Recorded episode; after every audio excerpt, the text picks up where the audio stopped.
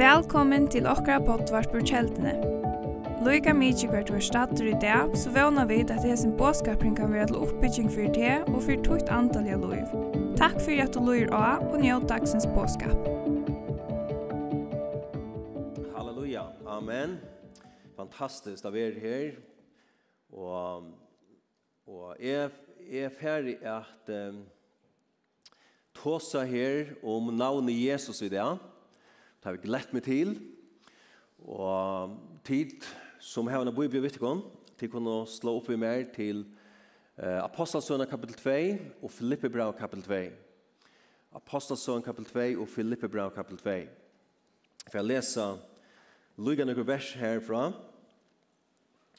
Eh, men eh, jeg husker jeg lukker byrja vi einar einar søvo, eller einar illustrasjon som jeg har ångtene brukt av vår, ångtene har eh, tåsa eller brukt av vår i ångtene talen kommer fyr, eh, i samband vi Jesu blå, i samband vi Jesu navne. Men, eh, men det er en søva om om en mann som kallades for Stanley, Henry Stanley, som var en journalister, i Englandet. Han var sendur til at um, til Afrika til at løyta etter David Livingstone. Og ikke det er nekken lise om David Livingstone, eller Horstemann. Han var en troboere og en, uh, en som gjør det, må si, rannsøknar ferier i Afrika. Og, og det hadde ikke hørt, for han var en skotte, minnes meg rett. Og det er en søva som fyrir gongus i 17. parten av 1800-tallet, og jeg mener etter 1814 og det Og, og England har ikke hørt fra David Livingstone og i, og i, og i lenge tog, så det sendte han den her journalisten, uh, Henry Stanley, at løyde etter honom. Og han fer så til Afrika, og, og han forteller, han hever så nek folk som er visser, til å hjelpe seg. Her var utgjør og mätor och allt det här som skulle transporteras av en. Så han har ett, ett stort fylgje vid. Men som han färdades i Jöknon Afrika och ehm Jöknon stora parter av Centralafrika så så mötte han eh imiskon stammen. Og sommar våre vinarligar, men er våre mer fudgendarligar. Og så forteller han, etter Lise, så innar bøk, at han og hans fylgje møta einar stammo som var ekvelig stersk og vuste seg å være eh, Så Såleis at de slopp ikke gjøkken tomrei. Og at han var men de hadde så, så stekket her, at når jeg tog, så gjør det av at jeg skulle gjøre en sottmåla vi hese stammene. Og, og enda søvann han forteller så hvordan hese nere høvdingen i stammene, han gjør en sattmala vi hendan her Henry Stanley. Og til han fyrir Jackson på tammaten er at, er at de valgte eh tar valdo ein ein ombodsmann kvør. Det er ein mann som skulle eh omboa ein mann som skulle omboa høvdingan og ein mann som skulle ombå Stanley. Og, og så gjerne gjør det en sottmala her og i, og i tar skjørelse og tabla så eh, i mine tabla blanda vi blanda vi okkur som det var okkur drekkandi i öden förum om det var boin eller okkur, okkur anna som det hade gjørst men det var okkur drekkandi og her tøy så drukko og avisen her og så løs blivet har blå eh, brøver og så at han åter gjørst henne her sottmalan så kan man säga ehm så så var frier i mitten mitten hesa boar stammarna eller mitten stammarna och så fyllde ju Stanley. Men så börjar hesen här Hövdingen han han börjar så att Luisa alla signingar iver uh, Stanley eh uh, och och allt det goda som skulle komma i han och så vidare. Eh uh, visst så långt man var ju som sagt man annorlunda. Men han blir just å lyse alt, alt forbannelser som kom i hverandre hvis han breder den og sånn. Og så teker han høvdingen og, og djever honom til beste som han heier. Og, og til å være en pastor av hessen ritualen eh är att göra sottmala, till var är att ta gå opp för en öron till bästa tar åtta tar hödden. Och hessen her høvdingen, han kommer så till eh, til Stanley og gjever honom eh, en den her staven, høvdinga staven til honom. Og Stanley han huksar kvært og i allar vuiver skal jeg bruka hendan her staven til. Og han, var, han Stanley sjálfur skulle så koma vid til besta tjasser, og sin høvdingen, han, han er langt funnet til hva det er til som Stanley var bestur vi, eller hva det var til besta Johnon. Det var en guide som han hei. Du Stanley hei trobelagar med han, og det var nekka vi at han fikk mjölk fra hese guiden, eller hans ord. Så at, at han, høvdingen, han pågå seg guidene, han ville ha guidene fra, fra, fra Stanley. Så at Stanley, han blir bekymret som et her, nå har han noen guide, og han visste ikke alle hvordan det skulle forvere frem etter. Og hva skulle han bruke hendet staven til? Vel, well, Det vursteste er at som han ferreist vujare i Afrika, er at alla steger han kom, her bøkte folk seg fyr i hånden, ta det så henda staven. Du sagt du hesten høvdingen som var en var høvdingi i en egla sterskar stammo, han var kjentur i vi stora parstar her og i tog områden av Afrika. Og alla steger her han kom, så kjente folk henda staven atter og de bøkte oss for henne. Øysene ter stammer som var og fudgjendalier, fudgjendalier sinnager med under hånden.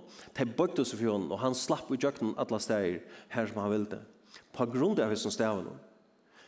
Sørste jo, hesen staveren, tja hesen høvdingene, han Uh, han omboa i alt det som hesen her høvdingen vær. Alt det som hesen høvdingen vær, kan man si, at det var ui hesen stavnen. Hesen stavnen omboa i alt det som hesen her høvdingen stav fire. Tan, ta, ta styrke, ta vald, tan autoritet som hesen høvdingen uh, hei og stav fire. Ta omboa i hesen stavnen. Og, og, og Stanley, han opplevde til at alle fudgjendar måtte bodja seg fyr i honom, eller rettare sagt fyr i sin steven hon, steder her han kom. Og, og han faktisk nyttes ikke er bekymra seg fyr gøyton resten av turen. Han fikk alle gøyton som han pågå på. Men alt det som han er tørva, det fikk han. Tog han hei enda steven.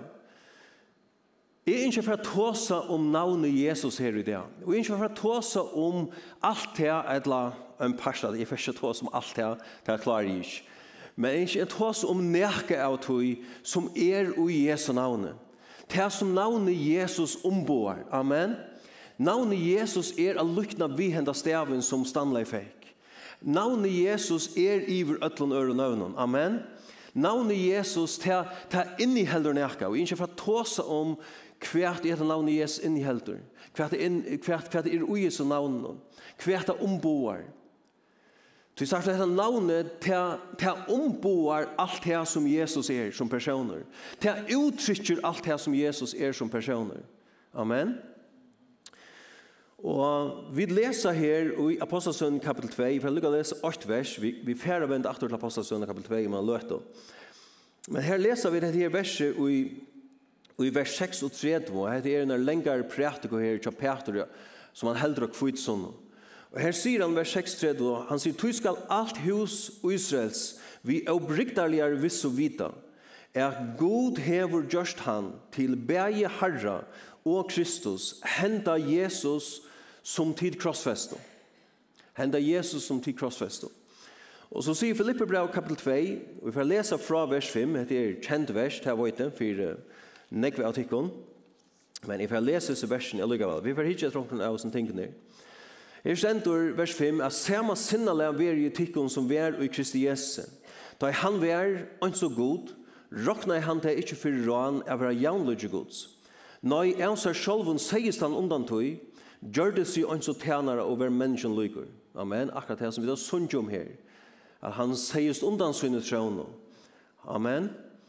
Og så sier han her at ja, vers 6, «Nei, altså selv om sier sånn undan tog, gjør det seg en som tjenere, og var menneskjen lykker. Og da han var stien fram som menneske, sett, i hans sjølvan lagt, så han var løyen til deg igjen, ja, kross deg igjen.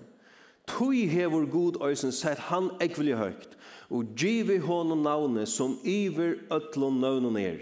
For at i navnet Jesus er, kvørst ned skal bortja seg, Torra som i himmeliero, torra som av er, og torra som under jörniero.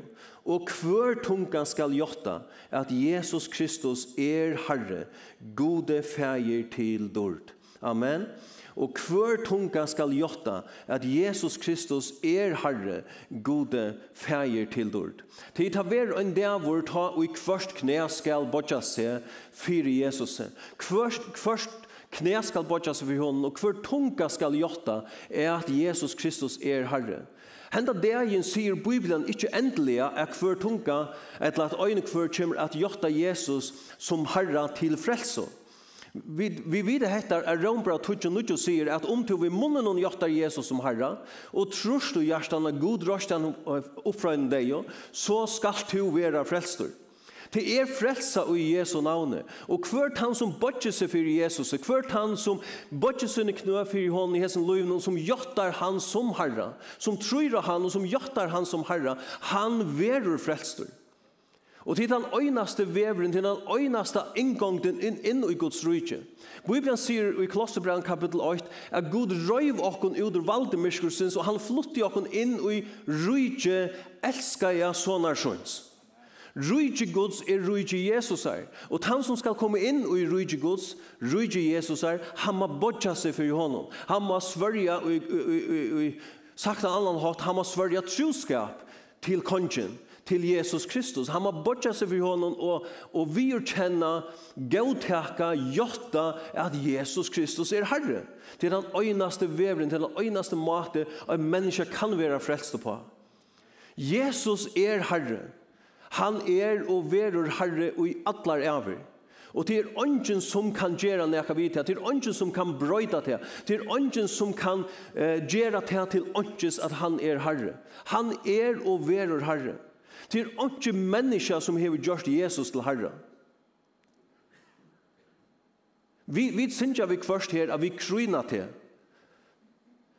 Og det, kunne vi gjøre av øynhatt i akkurat egna liv. Vi, vi, vi kryna Jesus som konga og som herre i akkurat egna liv. Men høyr, det var ikke nekka menneska som gjør det Jesus til herre. Tvørstur med det var det menneska som vreka av Jesus. Peter, han prætkar, som vi lausa akkurat nå, Peter han prætkar i kvitsun og han sier Jesus som tid vreka av, som tid krossfesto. Han gjør det god til Kristus og til Herre. Så er det var god som gjør det Jesus til Herre. God røste han opp fra en deg, og god gjør det han til Herre. Amen. Jesus Kristus er Herre. Han er Herre. Han er ikke falkavaldur. Guds rujtje er ikke falkarei. Det er ikke demokrati. Og jeg vet ikke om det er sjokkerer omkring. Men Guds rujtje er ikke falkarei, det er ikke demokrati. Jesus er ikke falkavaldu. Han er settur av gode til herra i vrødlom. Og lært meg hals og sia, nå sier som Paule. Lært meg hals og sia at det blir ikke nøyvel. Det blir ikke attervel.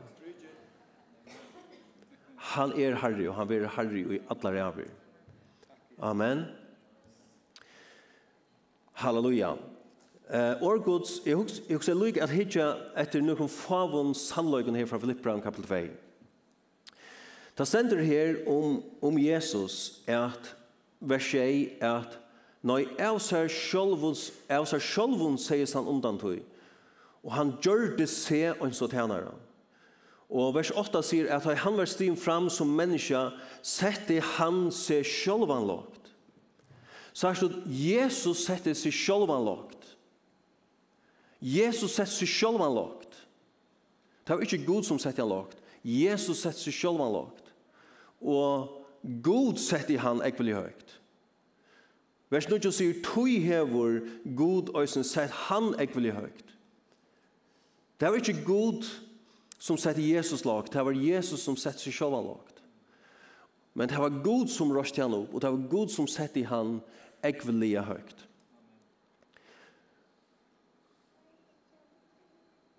Og hatta er galdande fyrir öll i Guds rujtje. Til ongen i Guds rujtje som setter seg sjolvan høyt. Vi vera ikkje sett høgt av okken sjolvan. Ongen kan ta. Ongs og Jesus som må vid oss bort okken og eimodje, eimodje okken fyrir gode, så han at tog syne kan setta okken høgt. Han lytter okken opp, han setter okken høgt, sama vi sånne syne, sama vi Jesus. Ikke Jesus sjálfur setter seg sjálfan høgt, han setter seg sjálfan lågt. Amen. Hvordan høgt hever han, hever Gud sett han? Og i, i Efsos brann kapitel, uh, kapitel 8, her jeg kan lukka, kan lukka sitera det bare her, et eller annet. Jeg kan lukka lesa 8 vers her. Um, lesa vid om Jesus Kristus og hans posisjon, hans støv. Um, vi leser vers 20 om God som røste Jesus opp fra en deio, og så sier han, og sette han vi høyre håndsøyene i himmelen. Högt iver alla tegen, alla myndeløyga, alt vald og herradømme, herradømme, og kvørst navn og i nevnt verur. Ikke best i hese verøld, men øysen i kommande. Alt leian under fötter hans og gav samkommen i han som høtt i vrøtlen, og så videre.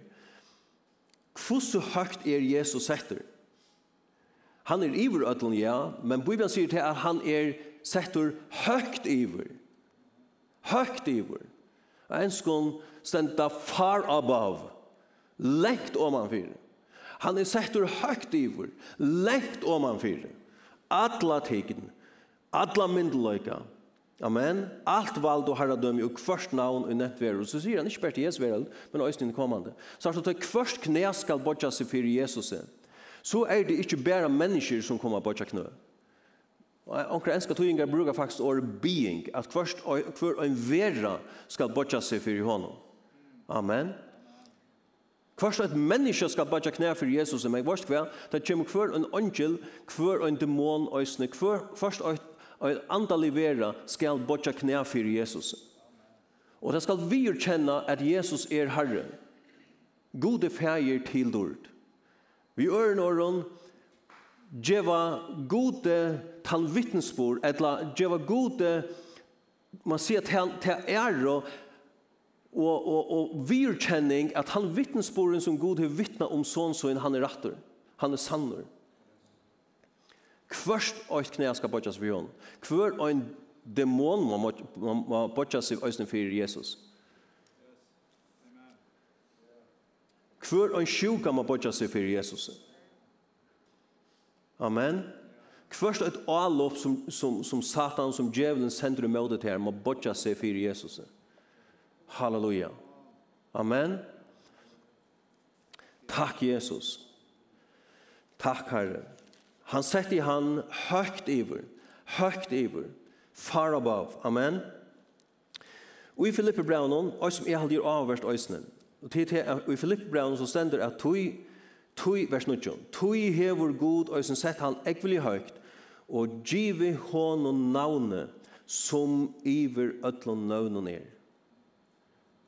God hevur givi Jesus en navne som iver ötlon øron nøvnen er. Ta jeg leser dette verset her, ta jeg studerer dette verset her.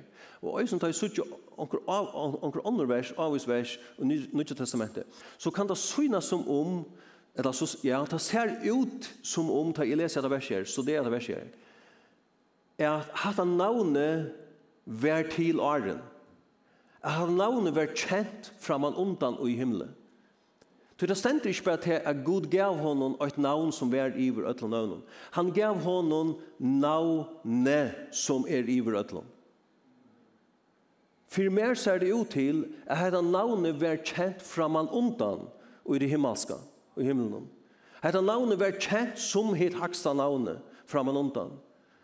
Og ta Jesus ei måtte se, ta han bøkte seg, ta han sette seg sjølvan så lagt, at han gjørtes et menneske, at han gjørtes bøkte seg så lagt, så lagt som ingen annar hever faktisk bøkt seg og sett seg, at han tog og på seg eh, menneska, eller gjør det som menneska og, og døye av en krosse og en vanvirslig en døye som en, som en brottsmær, som en røvare, som en mordare, som en syndare. Er og til han sette seg så lagt som ingen annar hever sett seg tog hever god og sett han høyt iver alt, og giv i hånden hetta navne, hetta navne, god gav hon hetta navne, som, i, som iver ötlen øre navnet her. Amen. Og tog skulle vi øyne være ekvelige verden vi, hvordan vi færa vi her som navnet, hvordan vi snakka om etter navnet, hvordan vi omtaler etter navnet, at vi færa vitt og vi viring, vi Amen. Og at vi djeva Jesu navnen, at vi djeva honom høyr, tøyk, ære, at vi opphevja det i mitt lakken. Toi han hever verlig oppi borda. Han hever verlig oppi borda. Han offrar seg fullkomlig for okkom. Fyre okkara synder, fyre at vi skulle bli frelst, og for at vi skulle bli røst opp vi honom. Han hever verlig oppe i båret i akkurat tøk, akkurat høyer. Jeg vil ha litt litt ro. Og vi, som sier, vi må være verden, anse etter, gjør dere omerk vi, at vi lytter han høyt i midten av Amen. Jeg halte det var hesten her, kyrkjefæren Augustin, som sier at, at om du ikke virus møter Jesus, fram om allt anna, eller iver allt anna, så virusmettan alls ikkje. en tydning hever Jesus fyrir til, og kva en tydning hever Jesu navne fyrir til. Er han verlig at du en herre? Er han han som er alt i ødlån kjøtt her? Er han han som du elskar fram om alt? Hever du ivergiv i alt til han?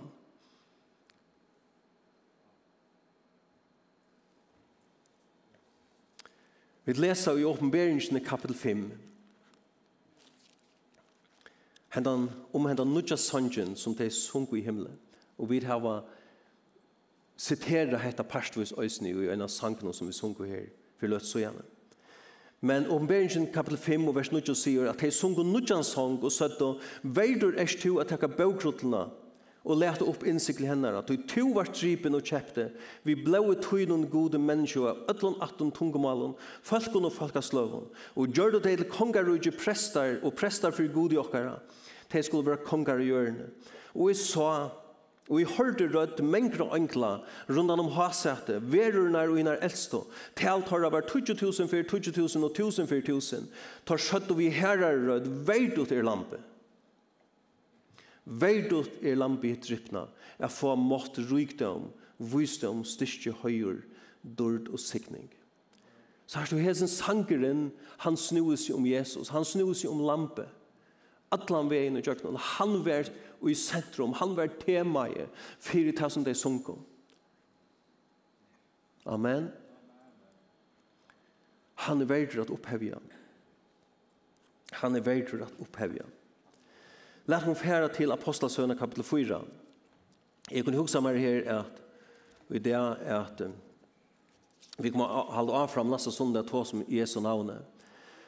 Jag kunde huxa mig här det är att snacka om och lydssyndrom om kvärt er i Jesu navn. Kvärt er i Jesu navn. Amen. Apostlesöna kapitel 4 vers 12 er ösnen vers som många av oss känner. Eh, ösnen pastor är av nøkron som Peter sier her, tar var tekner for røye til avhøringer. La meg lykke bare lese dette verset først. Jeg skal, jeg skal takke sammenhengen om jeg løter om. Men han sier her, og frelsa er ikke ui nøkron øron. Heldur ikke er nekka annan navn under himmelig givet middel menneskje som vi skulle være frelst vi. Peter sier her at frelsa er ikke ui nøkron øron. Legg mest til til at det er nekka ui Jesu navnet. Det er nekka ui Jesu navnet. Det er, han sier heller ikke er frelsa ui nøkron øron. Det er nekka ui Jesu navne. Det er inni heldur nekka. Det er inni heldur frelso. Amen. Det er inni heldur frelso. Og jeg kan huske meg lyka her at Lise og en troi ånder ørender om hetta. 4 Korint kapitel 6. 4 Korint kapitel 6 sier så løs, vers 9 sier så, bare for å få sammenheng vi her, så sier han her vers 9 at vida tid ikke, at hinn i årattvis så skulle ikke arva rydde gods, vidlest ikke, kvørste siløysingar, avgoda dorskarar, eller hårkattlar, kvørste teg som leta seg bruka til synd med nåttørene, eller teg som gjer hesa synd.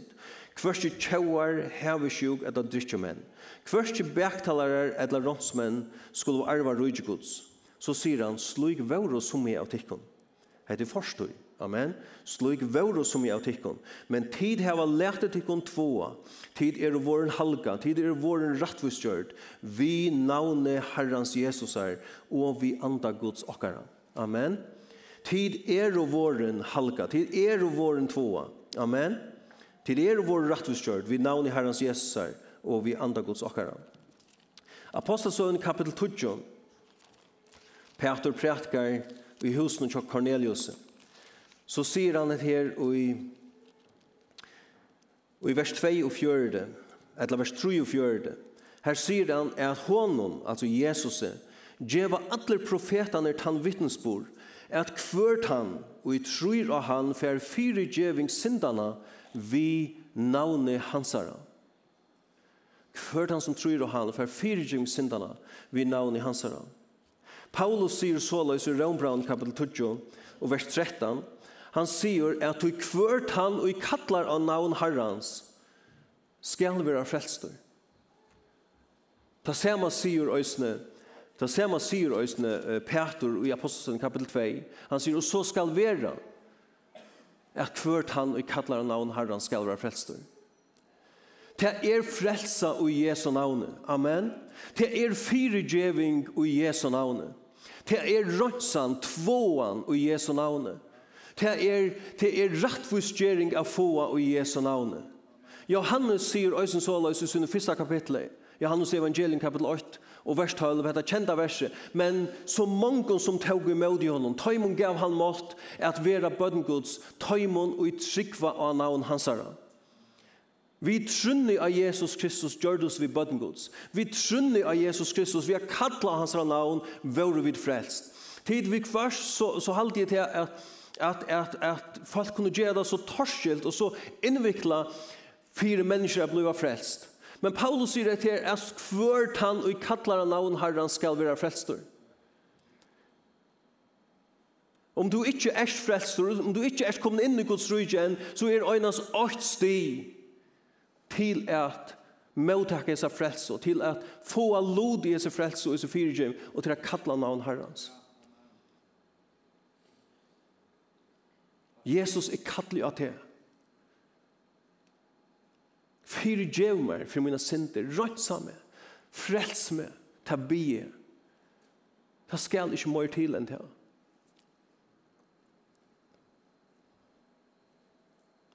Amen. Det er frelsa i Jesu navn. Paulus prætka i frelsa i Jesu navn.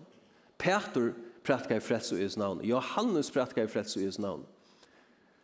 Vid prætka frelsa i Jesu navn. Amen, Paule. Amen. Amen. Det er frelsa i Jesu navnet. Bibelen sier òsne at det er grøying i Jesu navnet. Amen. Lakken lyge hitje atter etter eisen her fra Apostelsøvnet kapitel 4, eller kapitel 3. Lakken byrje her. Etter her, etter byrjar alt i Apostelsøvnet kapitel 3. Vi er som mannen som sider her lammen, eller lammaur her vi fakro dyr. Og da sender Apostelsøvnet kapitel 3, vers 8. Da sender Peter og Johannes Fauron, saman nian i tempelet om, om bønatøyman, som er i nudgjende. Mævor som var lemen ur mævorløyve, vær no boren her. Han sett og tar kvann vi tar dyr tempelsen som kallas føkrodyr. Så han fekk biet hei om Olmosu som inn i tempelet faurum. Og jeg vil lykke til å stekke her. Vi har en heim som lyger, en heim som og ta en heim ta hugsa menneskjundan om okkon, som luja av nekvon imeskon. Og de bia om silver og gull. De, de bia om det som kan hjelpa tøymon vi, om man så kan si, symptomene her i løyven. Petor, han sverar hon og sier, og i vers 4, han sier hikka okkon, og han akta i tøyr, hukte på tøyr. Vers 6, Så stendte men Peter sier, silver og god øye ikke, men det er som er have, det er djevjet her, og i navnet Jesu Krist Nazareren, så røys det og gakk. Det stender at, og han tog i høyre hans herre, og røste han opp. Vi da ser man kom styrke føtter og økler hans herre, og han sprakk opp og stod og gikk, han ble grøtter ved øren og Men Peter sier til vår at silver og guld har vi ikke, men det som jeg havet det er djevjet her.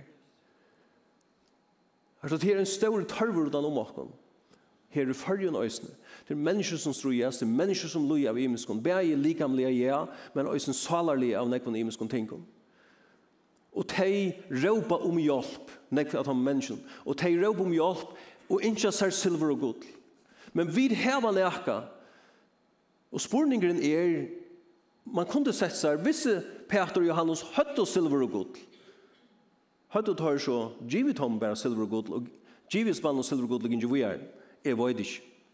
Er oppe Peter, han er handla akkurat som han handla i her. Jo, vi skulle hjelpa menneskjon på imenska måter, men vi heva nekka som er større. Vi heva nekka som er sterskare enn silver og god. Vi heva nekka som kan hjelpa menneskjon betre, djupre, sterskare enn silver og gull. Og til navnet Jesus. Til navnet Jesus som kan som, som inte bara behandla symptomen av människan men som fer in om och som gröjer och sätter människor fruer här inne. Navnet Jesus. Vi hava finnes det. Peter sier, det som er havet, det gjør vi det her. Vi hava finnes det navnet i øsene. Vi hava finnes det navnet i øsene. Til at boa, til å kunngjøre, til å fortelle for mennesken, til å vittne for mennesken. Amen. Og vi kvar så skal det ikke så rævlig nek til. Vi kvar så skal det ikke en høyl prætka til. Vi kvar så, så skal du bare si åtte år, og en setning. Og en luttlandsetning. Jeg vet det, jeg har opplevd her nærkere ferier. Jeg har tåst av mennesker. Og kvart så kommer folk, har folk kom atter til meg, hatt det her som til å sige, Jeg sier, hva sier jeg?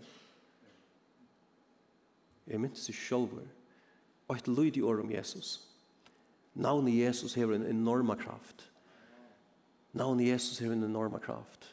Det er en enorma myndelega. Kvoi tog han som ber til navnet. Han er setter iver alt.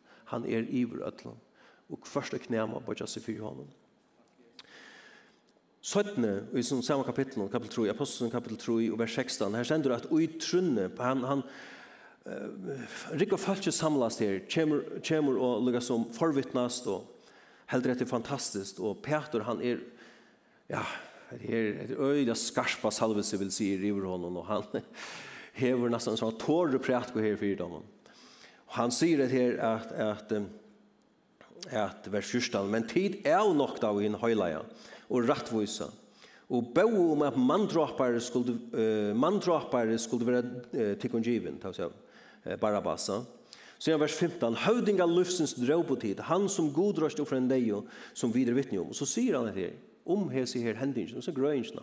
Så sier han, og i trunne av navn hansara, hever navn hansara styrst henda, som dit suttja og kjenna. Og tryggvinn og virka er vi honom, hevur fri eion tekkara allra gjørst at han nu fer nukt allar limer søgnar. Og i trunni av navn hansara hevur navn hansara styrst henda, eller grøtt henda nere. Navnet Jesus grøyer. Ta vid bia fyrir menneskjon til grøying, leggja hendene av mennesker om at de skulle være sett fru i høyde og bla grøyt. Så er det bare vi som formidler det. Og vi bia i Jesu navnet. Og, vi som, og nå tar ikke bare vi som er talere, men vi som er tryggvande i behøver. Vi er ombudsfolk Jesu, vi er sendte på og i sted hansara, sier Årgods. Og vi er autoriserade til å bruke hansara navn. Vi er av finne etter navn i her. Og ta i to bier i hansara navnet, så er det hansara navn som grøyer. Så er det Jesus Kristus sjølver som bakkar sitt navn opp, og som ger undre som grøyer. Og i trunni av navn hansara hever navn hansara grøttendan. Så tar vi handla og uttrykker på dette navnet her, så hender det Amen. Det er oss som er dama så vel her, og som jeg bare kjente at hele anden mynte meg av, ta og eh, fyrrøyga meg til det. Og det er just dette at stendur, han sier her i endan av versen, at, at, at, og tryggvinn og virka er vi i hånden, hever fri eion tikkara allra gjørst at han nu fær nukt atlar limer søgnar. Og jeg bare kjente herre mynte meg av her, og sier, hva skal det ikke grøve mennesker, så at jeg får nukt atlar søgnar limer. Og helt spesifikt, så kjente jeg herren sier meg, at ikke grøve mennesker, så at jeg får nukt atlar søgnar innvortes organer. At det er mennesker som har trobløyger vi imenskån innvortes i sin organen. Her Herren sier vårt at jeg ikke grå mennesker, så at jeg kan få nøyt, nøyta sine limer, så at jeg kan nøyt, nøyta sine innvårdsorganer rett. Jeg er ikke grå mennesker, sier Herren. Så jeg lykker for i romater til apostelsen kapitel 4, jeg skal for enda kjøtt. Så sier han her, ta blå tekner for røye til forhøyre om hvordan dette var hendt Og la kan lukka bare lese fra vers 2, i er ferdig enda i ordet kjøtt, så lukka takk her vi. Det stender at tar vår ytler om, at tar lært og følse, og Jesus er kun kunngjør du opprørsna for en deg. Tui løtt og tar noe hånd av tar, og sett og tar fast der inntil dagen etter, tui det var langt og kvöld. Men mange av tar taimon jeg hadde hårst året kom til trunna, og talja månen var nu om 5.000. Dagen etter sauna så råharar og hinner eldstå, og inn skriftlærd og torra i Jerusalem. Øysen i Annas høvesprester, Kaifas, Johannes, Alexander og Adler og i Vøro er av høvesprester at. Tar laudu loja tar fram fyrir seg og spurdu tar vi hverje kraft og vi hverje navni heva til gjørst hetta. Ta sier Peter vi tar, fylter av hele enden hon. Tid råharar eldste folksins. Vi til at vi i dævra tikkner til avhøyringar for velgjør møte sjugon manne, om hverjon han er grøtter vi. Så skulle tid atler og alt hus, alt folk uisels vita, er at vi navnet Jesu Krist Nazarerans, som til krossvestet, men som god vakt fra en dejo. Og så sier han, vi hånden er til hesen stendur fruskur for egen tikkere. Vi navn i hansara, sier Peter, vi navn i hansara, er det at hesen stender fruskur, fyrt kareion.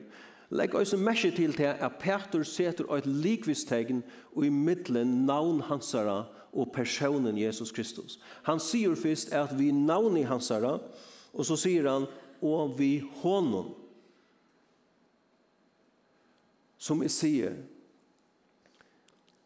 Navnet Jesus omboer og uttrykker alt det som personen Jesus Kristus stender for. Og som bor i Jesus. Amen. Det er frelsa i hans navn, og til grøying i hans navn. Halleluja. Og han er hans samme i det, og hans navn er hans samme i det. Han er framvist han som frelser i det og han er framvist han som grøyer og setter i frihøyde i det. Amen. Amen.